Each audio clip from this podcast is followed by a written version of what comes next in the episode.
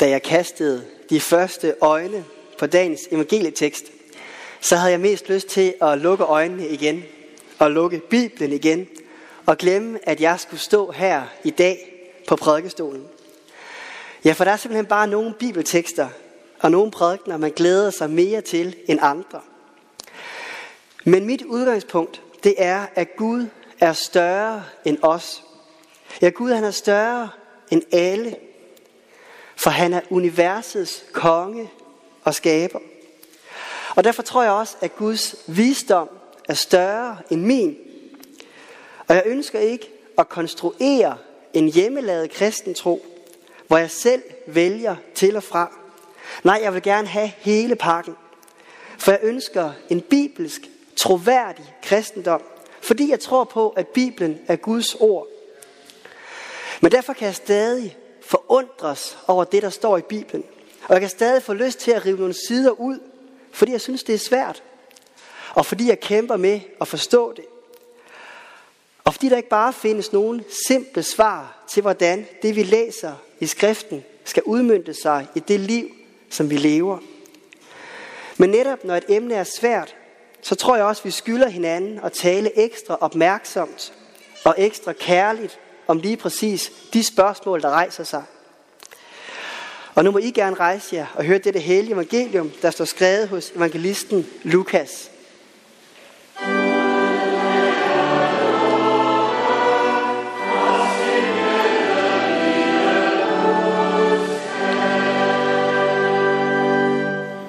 Store skare fuldtes med Jesus, og han vendte sig om og sagde til dem, hvis nogen kommer til mig og ikke hader sin far og mor, hustru og børn, brødre og søstre, ja sit eget liv, kan han ikke være min disciple. Den, der ikke bærer sit kors og går i mit spor, kan ikke være min disciple. Hvis en af jer vil bygge et tårn, sætter han sig så ikke først ned og beregner udgifterne for at se, om han har råd til at gøre det færdigt. For at man ikke skal se ham ligge en sokkel, uden at kunne fuldføre det, så alle giver sig til at håne ham og siger, den mand begyndte at bygge, men kunne ikke fuldføre det. Eller hvilken konge vil drage i krig mod en anden konge, uden først at have sat sig ned for at overveje, om han med 10.000 mand er stærk nok til at møde ham, der kommer imod ham med 20.000. Hvis ikke, sender han udsendinge for at forhøre sig om fredsbetingelserne, mens den anden endnu er langt borte. Sådan kan ingen af jer være min disciple, uden at give afkald på alt sit eget. Salt er en god ting, men hvis saltet mister sin kraft, hvordan skal det da blive salt igen? Det duer hverken til jord eller gødning, men man smider det væk. Den, der har ører at høre med, skal høre. Amen.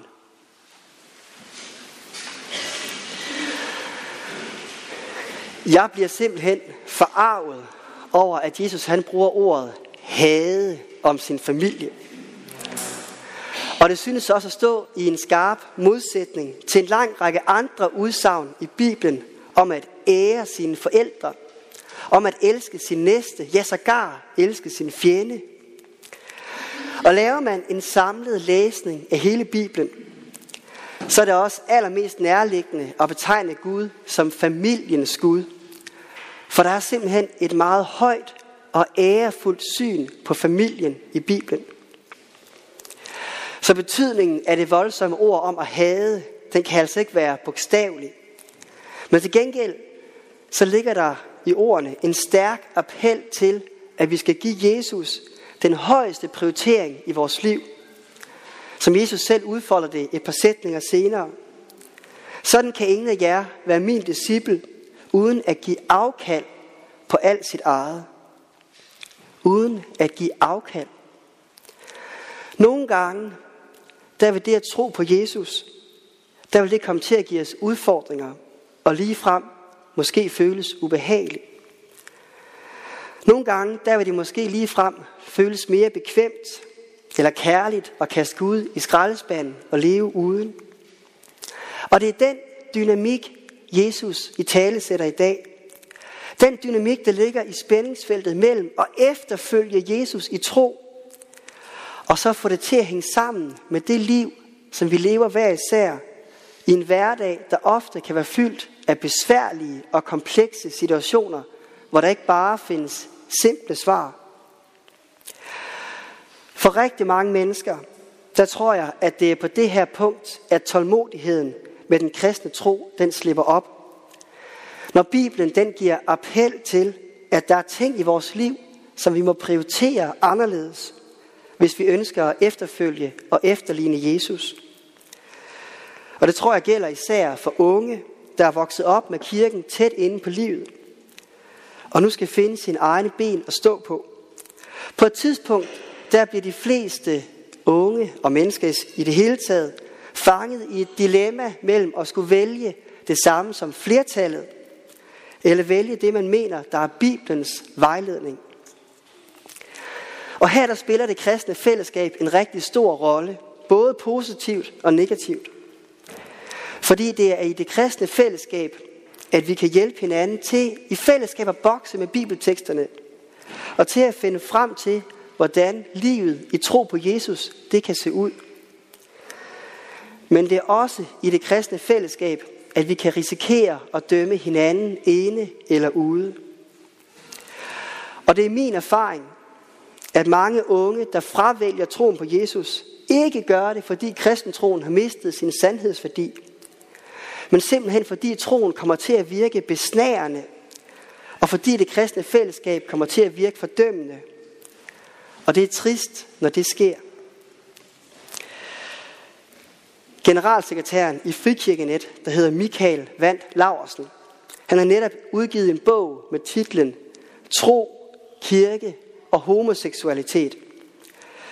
Jeg har kun læst forskellige interviews om bogen, men den ser, ud, den ser ud til at være et godt og vigtigt bidrag til samtalen om, hvordan vi som kirke, der ønsker at stå på Bibelens grundlag, kan navigere og omfavne hinanden i et af de mest følsomme og kontroversielle emner i vores samtid.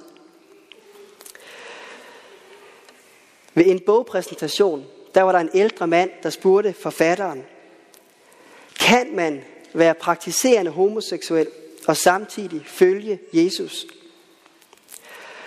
For inden det spørgsmål, så havde Michael Vand Laversen slået fast, at han på ingen måde lægger op til at ændre sit evangelikale ståsted, men at vi kan blive langt bedre til at komme de homoseksuelle i møde og vandre sammen med dem, også i fælles bevidsthed om, at alle mennesker, både heteroseksuelle og homoseksuelle, at alle mennesker lever i synd som et uafvendeligt vilkår, der gælder for os alle. Og så begyndte Michael sit svar. Ja, det mener jeg godt, at man kan. For vi kan aldrig vide, hvilke dele af vores brudte liv og vores faldende eksistens, som Gud først tager fat i og arbejder med. Og vi ved aldrig, hvad der siden kommer til at ske i vores vandring med Jesus.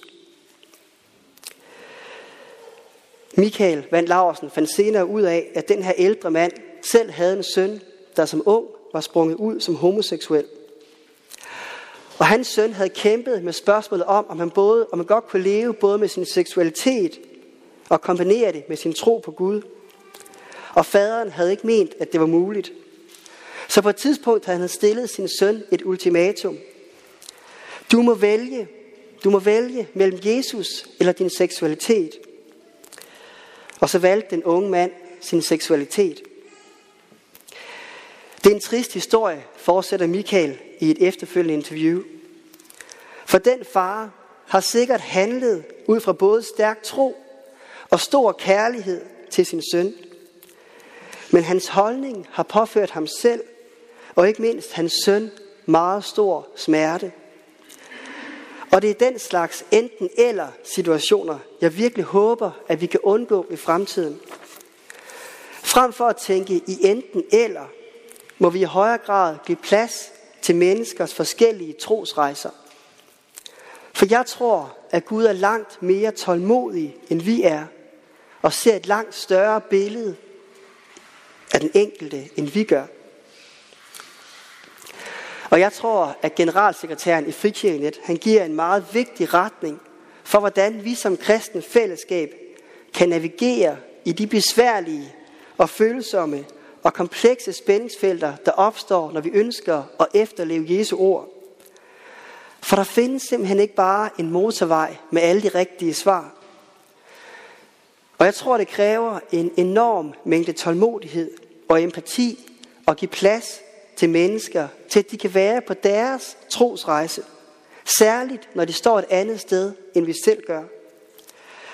Og jeg tror, det kræver en enorm mængde ydmyghed og kærlighed, når vi får givet taleret til at udfordre et andet menneske på de valg, som de har truffet, og på den retning, som de bevæger sig. For enhver kan jo kritisere eller påpege fejl. Det er ikke særlig svært.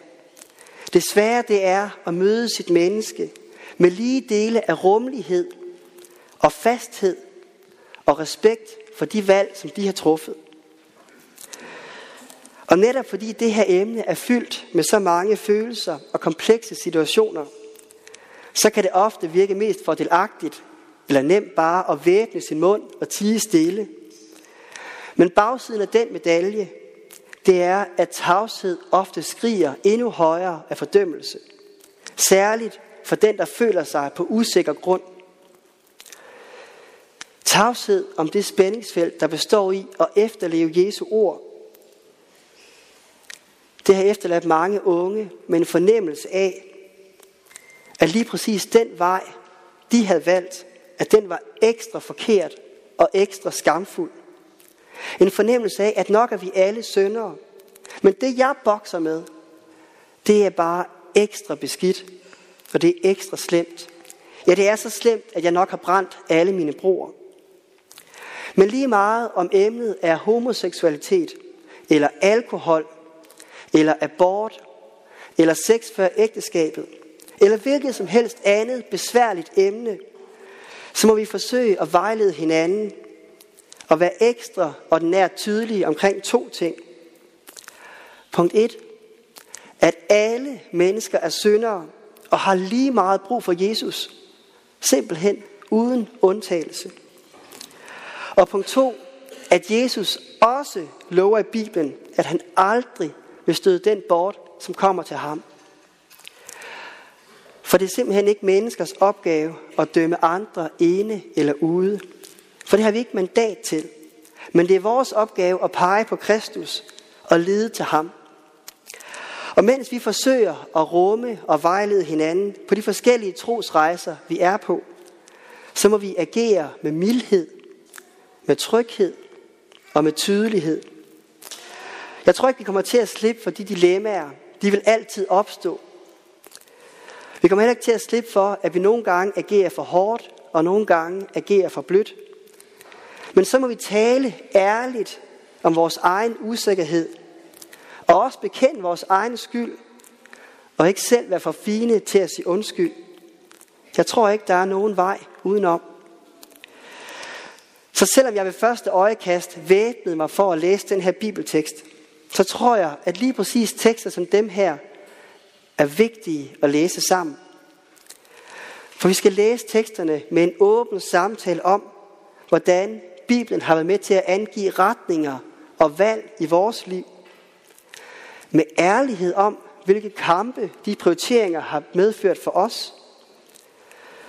Og så skal vi gøre det med respekt for, at vores medmennesker og vores børn skal have lov til at gå vejen selv, mens de har fuldstændig vidshed om, at vi elsker dem hver eneste dag, og uanset hvilke valg de træffer. Og så skal vi læse teksten samtidig med, at vi også læser andre tekster, der fortæller om Jesu kærlighed. For eksempel ordene i Johannes evangeliet om, at Jesus siger, den der kommer til mig, vil jeg aldrig støde bort. Lad os bede sammen.